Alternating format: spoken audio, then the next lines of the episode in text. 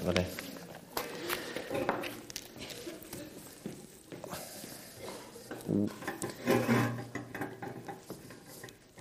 God formiddag.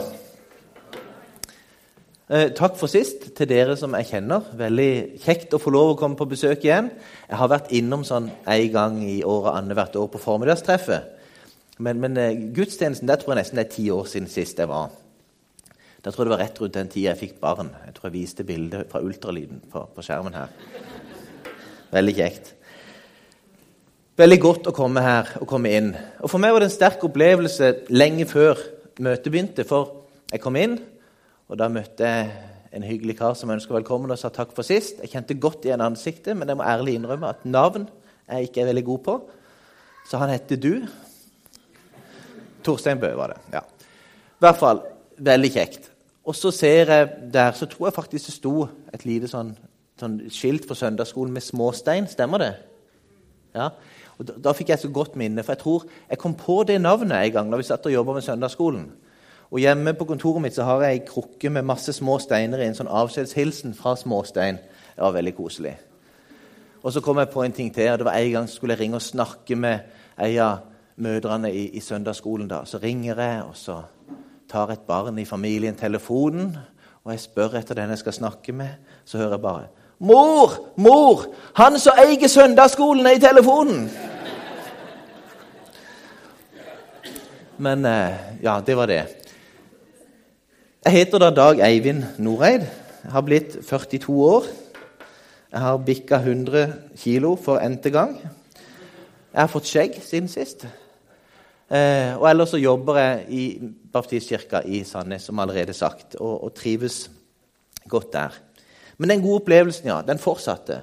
For dere er velsigna, og dere er heldige. For mange kjerker, Hvis du kommer klokka halv elleve til ei kirke, så er det låst dør.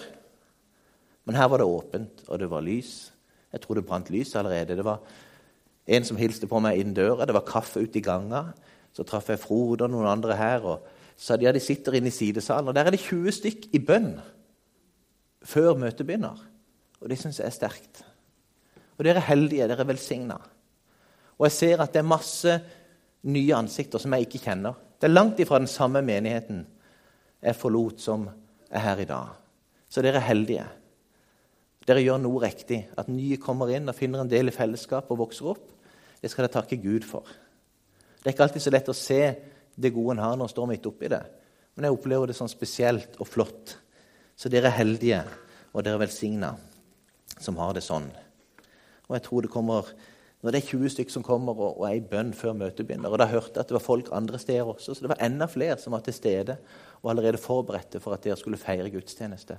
Det er unikt, og det er flott, og dere er heldige. Men da skal jeg prøve å komme til poenget. Eh, dere har jo et tema.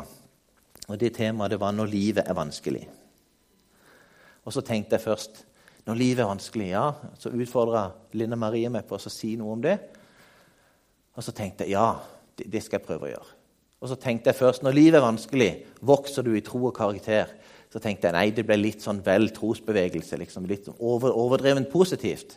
Så jeg modererte meg til når livet er vanskelig, kan du vokse i tro og karakter? Det er ikke alltid vi vokser på våre vanskeligheter. Men det har litt noe med hvordan vi håndterer dem, hvem vi går til med våre vanskeligheter, og hvordan vi forvalter de vanskelighetene vi får, hva som kommer ut etterpå. Men jeg tror det er en sannhet at når livet er vanskelig, så kan du vokse i tro og karakter. Og Det er det jeg skal prøve å si noe om i dag. Ja, jeg blir full av minner når jeg kommer her. Det er snart, den 1. mars så er det 21 år siden jeg gikk av toget her nede og gikk opp til kirka her. Eh, jeg skulle på en to måneders praksisperiode, og jeg reiste aldri hjem igjen. Så jeg vil også si tusen takk for at dere på en måte hjalp meg i gang. Så Jeg flytta ikke så langt vekk heller. Jeg er på Sandnes, så hvis jeg trenger en, taler en annen gang, så er det ikke så langt for meg å reise heller. Men dere kan ta stilling til det etter dere har hørt meg nå. Det er greit. Da stopper vi. Vi leser sammen i Bibelen, og så ber vi, og så går vi i gang. Skal vi se om vi fikk denne her eh, pekeren til å virke òg? Ja da. Jakob 1, vers 2-4. Se det bare som en glede, søsken, når dere møter alle slags prøvelser. For dere vet at når troen blir prøvet, skaper det utholdenhet. Men utholdenheten må føre til fullkommen gjerning, så dere kan være fullkomne og hele uten noen mangel. Derfor kan dere juble av glede, selv om dere nå en kort tid, om så må være, har det tungt i mange slags prøvelser. Slik blir troen deres prøvet. Selv forgjengelig gull blir prøvet i ild. Troen, som er mye mer verdt, må også prøves, så den kan bli til pris og herlighet og ære for dere når Jesus åpenbarer seg. Himmelske Far, takk for ditt ord. Takk for at det er levende og virkekraftig. Jeg ber om at du skal være til stede her i dag. Du er til stede her i dag. Men åpenbar ditt ord for oss ved Din Hellige Ånd. La en positiv utfordring eller en oppmuntring fra deg være det som sitter igjen etter denne talen. Åpne våre hjerter så vi tar imot noe fra deg. Sil vekk det som bare er mine tanker, og det som ikke skal være der. Men møt oss gjennom ditt ord. Det ber vi om i ditt navn. Amen.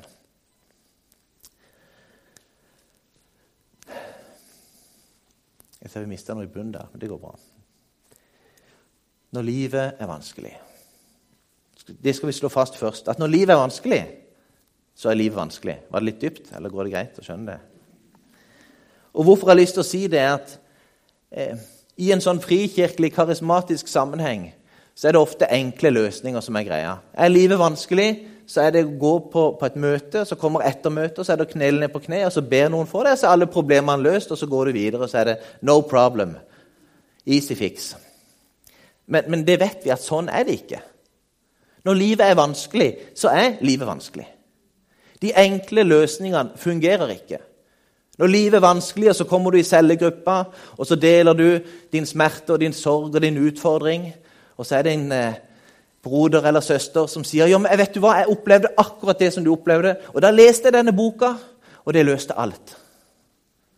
Tusen takk, din dust, tenker du da. Og jeg er sikker på at mange av oss har opplevd lignende ting. Noen har alltid en enkel løsning. De har alltid opplevd det samme. De har alltid en quick fix, eller de kan be for det, og så ordner det seg. Men så vet vi at sånn er det ikke. Livet er vanskelig, og det er ikke de enkle løsningene som vi ønsker å ha. Gud møter oss der vi er, og sånn som vi har det. Gud møter ikke fantasifigurer, den som vi ønsker at vi var, eller den som vi frykter at vi er, men han møter den vi faktisk er. Vi kan legge ned maskene våre og komme til Gud akkurat sånn som vi er. Du og jeg trenger ikke late som om alt er greit innenfor Gud, og vi burde heller ikke trenge å gjøre det i møte med menigheten eller cellegruppa eller andre kristne venner. Vi kan komme akkurat sånn som vi er. Gud tåler, og som Guds barn og som menighet så bør vi tåle at mennesker opplever at livet er vanskelig, og at det kan ta tid, lang tid, å komme seg gjennom det. Samtidig så tror vi på Han som er lysenes far. Han er kjærlighet som er trofast og full av barmhjertighet. Så derfor kan vi få erfare at når livet er vanskelig, så kan vi vokse i tro og karakter. Så kommer noen store og vanskelige spørsmål. Påfører Gud oss lidelse? Lar han oss oppleve lidelse? Og er det noen forskjell på det? Påfører Gud oss lidelse? Jeg i min tradisjon, og der jeg kommer fra, så vil jeg si nei. Lar Gud oss oppleve lidelse? Ja, selvfølgelig så gjør han det. Ellers hadde vi jo ikke hatt lidelse. Og så vil noen si ja, men er det da noen forskjell? Er det noen forskjell på om Gud påfører oss lidelsen, eller om han tillater at lidelsen skjer? Da vil jeg si ja, det er en stor forskjell. For jeg tenker at vi kan få lov til å holde fast på at vi har en god far. Hos han er det ingen skiftende skygge. Gud er ikke humørsyk. Han er kjærlighet. Han er god. Så han påfører oss ikke lidelse. Samtidig så lever vi i en fallen verden. Forgjengelighet, sykdom, død Og menneskets frie vilje til å gjøre onde handlinger det er en realitet. Derfor kommer vi til å bli skuffa, vi kommer til å bli såra, vi kommer til å bli syke. Og vet dere hva? En gang kommer vi alle sammen til å dø. ikke det oppmuntrende å tenke på her på formiddagen? Er alt vi opplever, et uttrykk for Guds ønska vilje for oss? Jeg vil gi et definitivt nei til det. Jeg tror ikke det. Og så sier Matteus 7, vers 7-11 oss. Be, så skal dere få. Let, så skal dere finne. Bank på, så skal det lukkes opp for dere. For den som ber, han får, og den som leter, han finner, og den som banker på, skal det lukkes opp for. Eller hvem av dere vil gi sønnen sin en stein når han ber om brød? Eller gi ham en orm når han ber om en fisk? Når selv dere som er onde, vet å gi barna deres gode gaver, hvor mye mer skal ikke deres far i himmelen gi gode gaver til den som ber ham? Guds ord forteller oss at når til og med vi som mennesker, som kan være onde, vi ønsker å gi barna våre det beste, hvorfor i all verden skal vi tro at Gud ikke gjør det?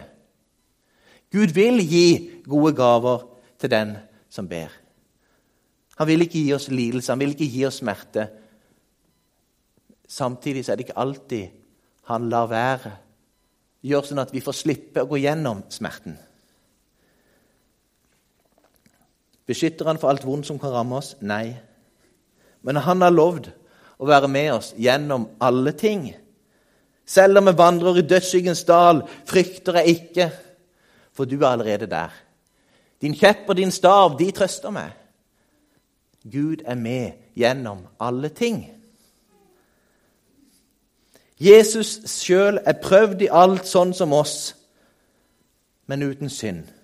Han led vår død i vårt sted og forsonte verden med Gud. Det ligger et løfte i at Gud kan omforme alle våre nederlag og alle våre prøvelser og all vår smerte til gull til lærdom, styrke og velsignelse som vi kan fordele med andre. Et favorittbibelvers for meg har vært i Romerne 29. Vi vet at alt tjener til det gode for den som elsker Gud, dem han har kalt etter sin frie vilje. Alt tjener til det gode. Det betyr at Gud kan ta noe som, ser, som er forferdelig vondt der og da, og som bare er smertefullt nå, og så kan han vende det om til det gode for de som elsker han. Han kan omforme nederlag til seier. Han kan omforme det grusomme vi gjennomlever, til gull, til en ressurs i våre liv som vi kan bruke til å velsigne andre. Vi kan få hvile i at Gud vil føre oss gjennom våre daler og vil hjelpe oss til å bestige våre fjell.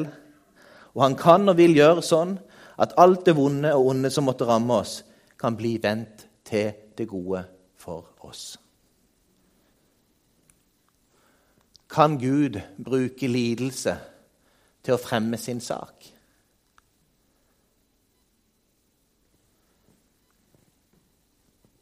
Og Det er en sånn, litt sånn vanskelig balansegang her. Påfører Gud ikke smerte og lidelse, men han lar oss oppleve det. Og Av og til er det vanskelig å se forskjellen når vi står midt oppi det. Og Derfor roper vi av og til Gud, hvorfor lar du dette ramme meg? Gud, hvorfor lar du dette ramme de som står meg nært? Og så legger vi skylda på Gud. Og Gud tåler det. Samtidig så er han lysenes far. Hos han finnes ikke noen skiftende skygge. Han er kjærlighet, og han er god, og han gir gode gaver til sine barn. Men Gud er raus nok til å tåle vår klagesang. Og Leser du mange av salmene som er klagesanger i Bibelen, så ser du det at de blir ofte vendt om til lovsang. Det begynner med at den, vi roper ut vår nød. Vi forteller at 'nå er livet vanskelig, Gud. Jeg vet ikke hva jeg skal gjøre.' Det er fullt av smerte og lidelse og sykdom. Hvor er du, Gud? Jeg ser deg ikke noen sted. Og så kommer det ofte en vending, Og så bryter de ut i lovsang, der de priser Gud og opphøyer Han for at Han er trofast og rettferdig, at Han er til stede, og at Han hjelper. Se på Paulus. Galateren 4, vers 12-14. Jeg ber dere søsken, bli som meg, for jeg er blitt som dere. Dere har ikke gjort urett mot meg. Dere vet jo at det var på grunn av en sykdom jeg fikk forkynt evangeliet for dere første gang. Likevel fristet ikke dette dere til å forakte eller avsky meg. Nei, dere tok imot meg som en Guds engel, ja, som Kristus Jesus selv. Gud kan bruke lidelse til å fremme sin sak. For Paulus sier her det var pga. sykdom at jeg for første gang forkynte evangeliet for dere. Jeg syns det er stort. At han er ute på en reise, og så blir han syk. Han skulle kanskje egentlig reise videre, men pga. den sykdommen så måtte han stoppe opp. Og fordi at han ble syk og måtte stoppe opp der, så kunne Gud bruke det til å fremme sin sak. For av den grunn vi kan bli i den byen og forkynne evangeliet for dem. Gud kan vende alle ting til det gode for de som elsker ham. Pga. sykdom fikk han forkynne evangeliet. Altså betyr ikke vanskeligheter at Gud ikke kan bruke oss. Om livet vårt ikke er på skinner, så betyr ikke det at Gud ikke kan bruke oss. Midt i vår lidelse, midt i våre nederlag, så er vi fortsatt et kar i Guds hender som han kan fylle og bruke til å velsigne menneskene rundt oss. Vi er fortsatt et redskap i hans hånd, fordi om livet ikke er enkelt.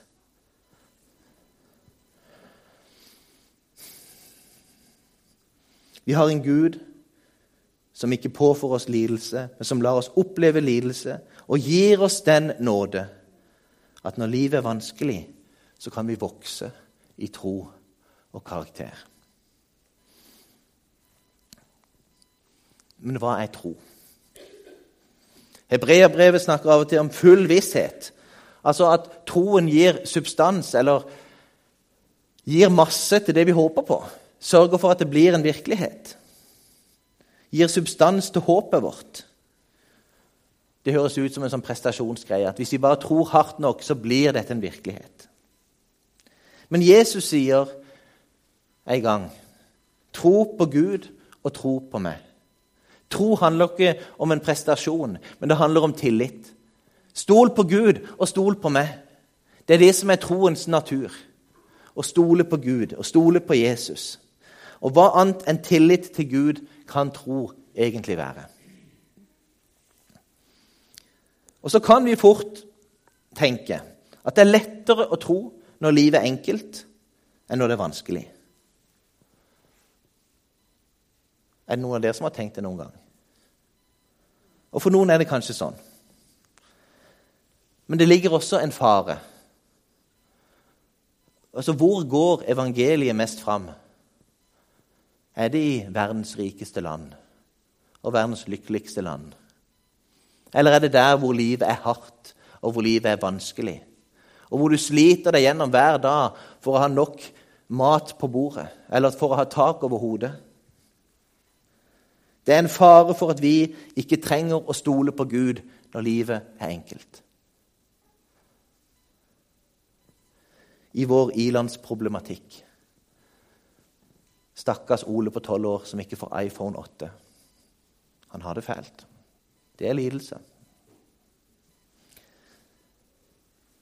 Det er noen ganger vanskelig å tro når livet er enkelt, for vi trenger ikke å stole på Gud.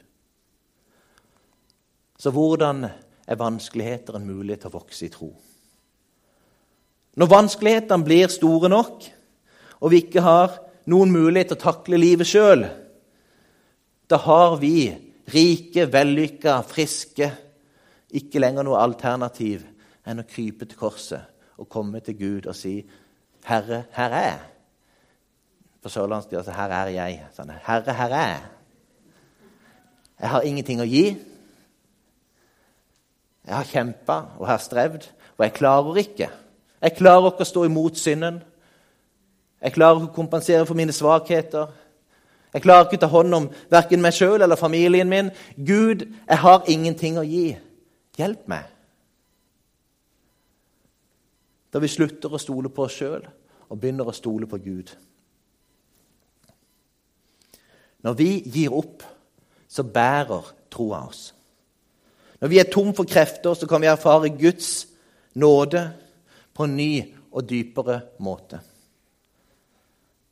Det blir mer enn tilgivelse, et håp om himmelen når vi kommer hjem, men det blir hele grunnlaget for vår eksistens. Vi kan erfare det samme som Paulus får i en åpenbaring fra Herren sjøl, i 1. Korinterbrev 12,9. Min nåde er nok for deg, for kraften fullendes i svakhet.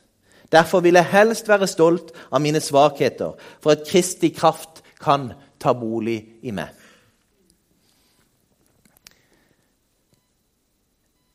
Jeg er en som har eh, slitt mye med meg sjøl og mitt eget sjølbilde opp igjennom. Og har vært verdensmester i å sammenligne meg. Jeg husker da jeg var ung og satt på møter og opplevde ganske tidlig etter jeg ble frelst, et form for kald tjeneste. Men for meg å skulle stå på en talerstol det var helt utenkelig. Og Så satt jeg og sammenligna meg sjøl med talerne. Ja, jeg kunne talt like godt som han. Kanskje litt bedre. Jeg satt og fokuserte sånn. Og det er et helt, helt galt fokus. Og så ser jeg mange ganger, til og med i dag, folk som blomstrer i tjenesten og får det til, og det går så det koster etter. Så tenker jeg av og til sjøl, til og med nå Ja, men jeg preker jo minst like godt som han. Jeg er jo minst like intelligent. Så må jeg stoppe opp og så tenker jeg, men dette er jo helt på trynet. Det går jo ikke på hvor sterk eller flink eller flott du er. Det går på Guds nåde. Hvis Gud har kalt deg, så vil han gi deg nåden, og så vil han gi deg kraften, og så vil han gi deg ressursene, og så kan du gå med det. Om det ikke er det som ser flottest ut i menneskers øyne, så betyr det ingen verdens ting. Hvis Gud har kalt deg, så har han utrusta deg. Så kan du få lov å gå med den kraften som han gir. Hjelpeløshet, maktesløshet, svakhet det som vi ofte ser på som negative ting, det er egentlig hedersbetegnelser. Hjelpeløshet, maktesløshet, svakhet. Det er et mektig nedslagsfelt for Guds nåde og Guds kraft. Der våre krefter stopper, kommer Guds kraft inn. Når vi overgir restene av vår kamp og vårt strev over til Gud og stoler på Han, da kan vi vokse i tro og tillit til Gud. Å vokse i tro er å vokse i tillit til Gud. Å vokse i tro er å legge ned sitt eget og overgi vår skrøpelighet til Gud. Og så dette andre ordet jeg tok med karakter. Ordet karakter står ca. null ganger i Bibelen. Det er greit å vite. Men hva er karakter? Den prøvede tro og overgivelse. Det er den etterfølgelsen vi har når vi blir forfulgt. Det er vår moral når vi blir frista. Det er det livet vi lever når ingen andre ser oss. Det er gullet som står igjen etter å ha blitt rensa i ild. En tro som ikke er prøvd, den vet vi ikke så mye om substansen i.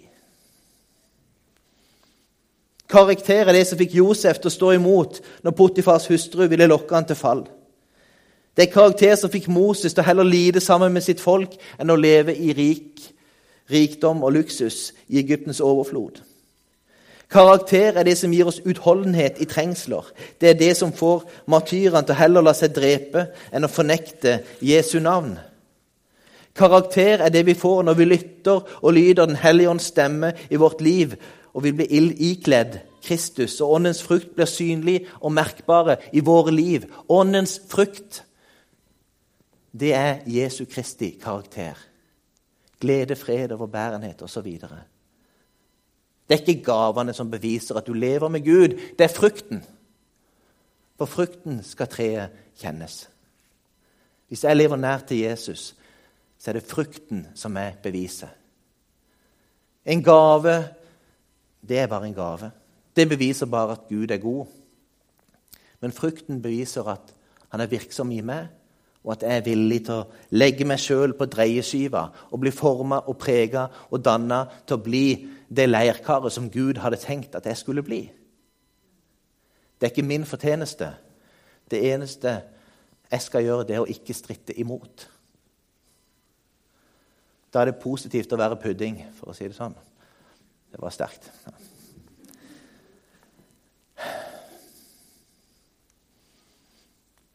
Hvordan er vanskeligheter en mulighet til å vokse i karakter? Og Da er vi tilbake til første teksten vi leste i Jakob. Når troa blir prøvet, skaper det utholdenhet. Men utholdenheten må føre til fullkommen gjerning. Og Vi går videre til Peter.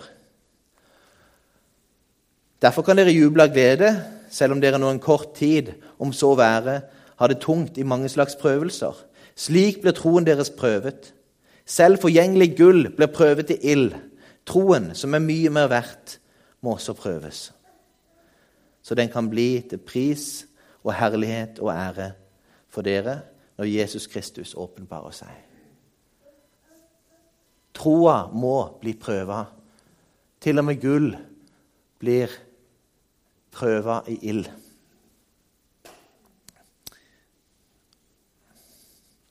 Som jeg sa, karakter, ordet, står ikke i Bibelen. Men konseptet finnes.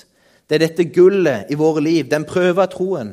Den troa som har levd gjennom prøvelser, kriser og vanskeligheter. Den troa som har vært gjennom ilden og kommer ut på andre sida. Det viser karakteren. Troen som tåler forfølgelse og fristelser, som holder oss fullstendig avhengige og nær til Jesus og bærer oss gjennom livets utfordringer. Er det behagelig å gå gjennom ilden? Nei, selvfølgelig så er det ikke det. Klarer vi å se hva godt som kan komme ut av vår lidelse i øyeblikket? Som oftest ikke. Ofte så må vi i ettertid se at Gud var med, og så kan vi se frukten av det etterpå.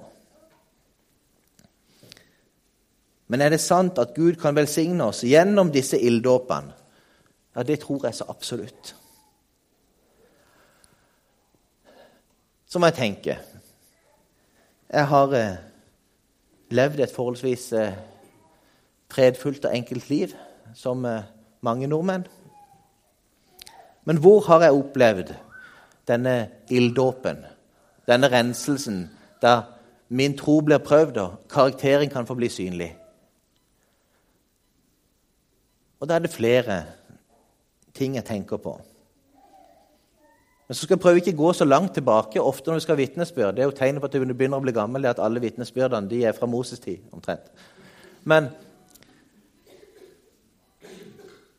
siden jeg var her så har jeg jobba og jobba bare med tenåringer. Så har jeg etter hvert da blitt hovedpastor.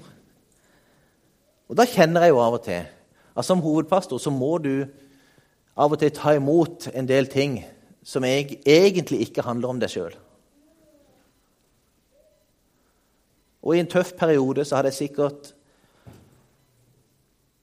50 timer på telefon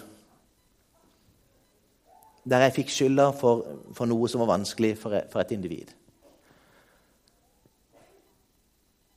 Og jeg var blitt syndebukken. Og jeg måtte ta imot og ta imot og ta imot. Og, og det var tøft. For en person som i utgangspunktet, i hvert fall fra ungdommen, elska å diskutere.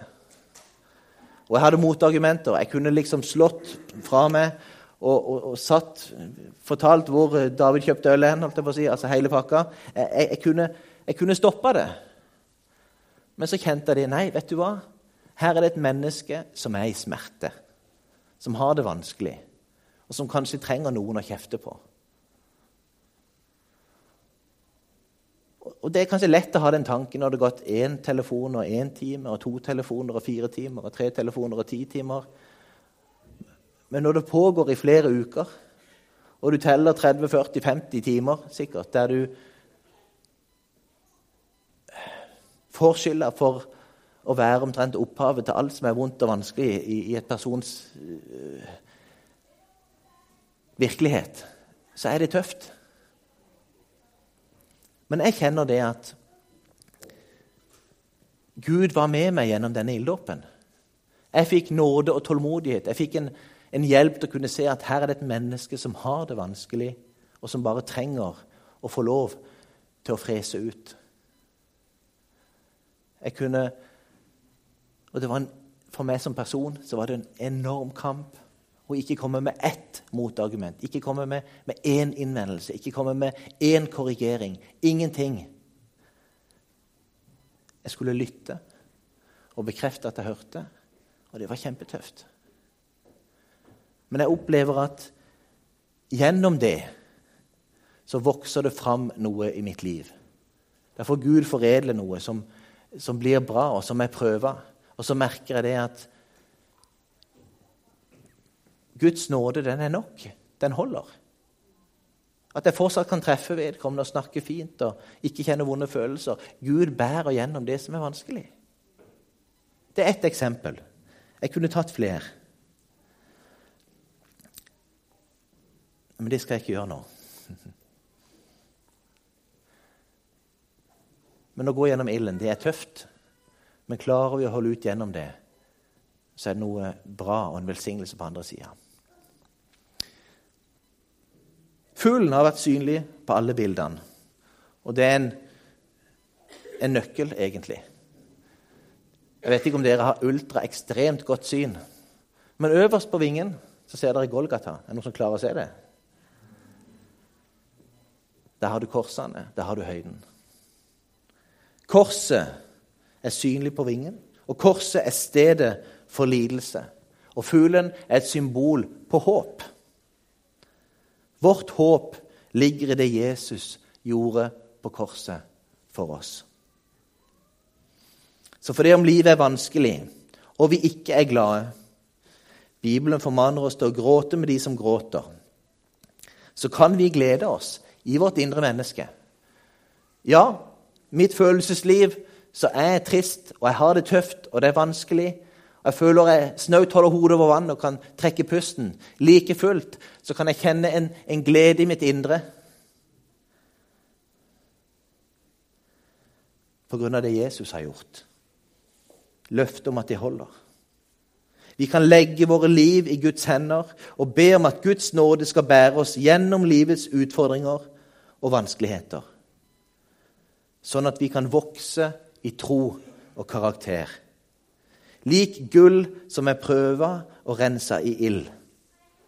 Overgitt til Gud og fullstendig avhengig av Guds nåde i alle ting. Amen. Far i himmelen, jeg takker deg for kjente og ukjente venner i denne menigheten. Jeg takker deg for at du har en plan for dette fellesskapet. Du har framtid og håp for dette fellesskapet.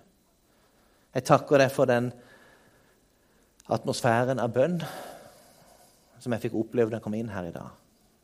Og Herre, jeg ber om at du skal være med dem og velsigne dem videre i det som ligger foran. At de skal få lov til å oppleve alle som en, at vanskeligheter det kan være en mulighet til å vokse i tro og karakter. At de kan få lov å legge alle byrdene og alle utfordringene fra seg ved korset. Og så kan de stole på at du vil være der, og du vil hjelpe dem. Og du vil bære dem gjennom denne perioden. Og så ber jeg om at når, når det har gått litt tid, så kan de få lov til å se det at du var med gjennom ilddåpen, og at de går styrka ut av dette. Herre, takk for at din nåde er nok, og hjelp oss til å bringe oss sjøl og hele våre liv innenfor deg, og stole på at du vil føre oss hele veien fram. Amen.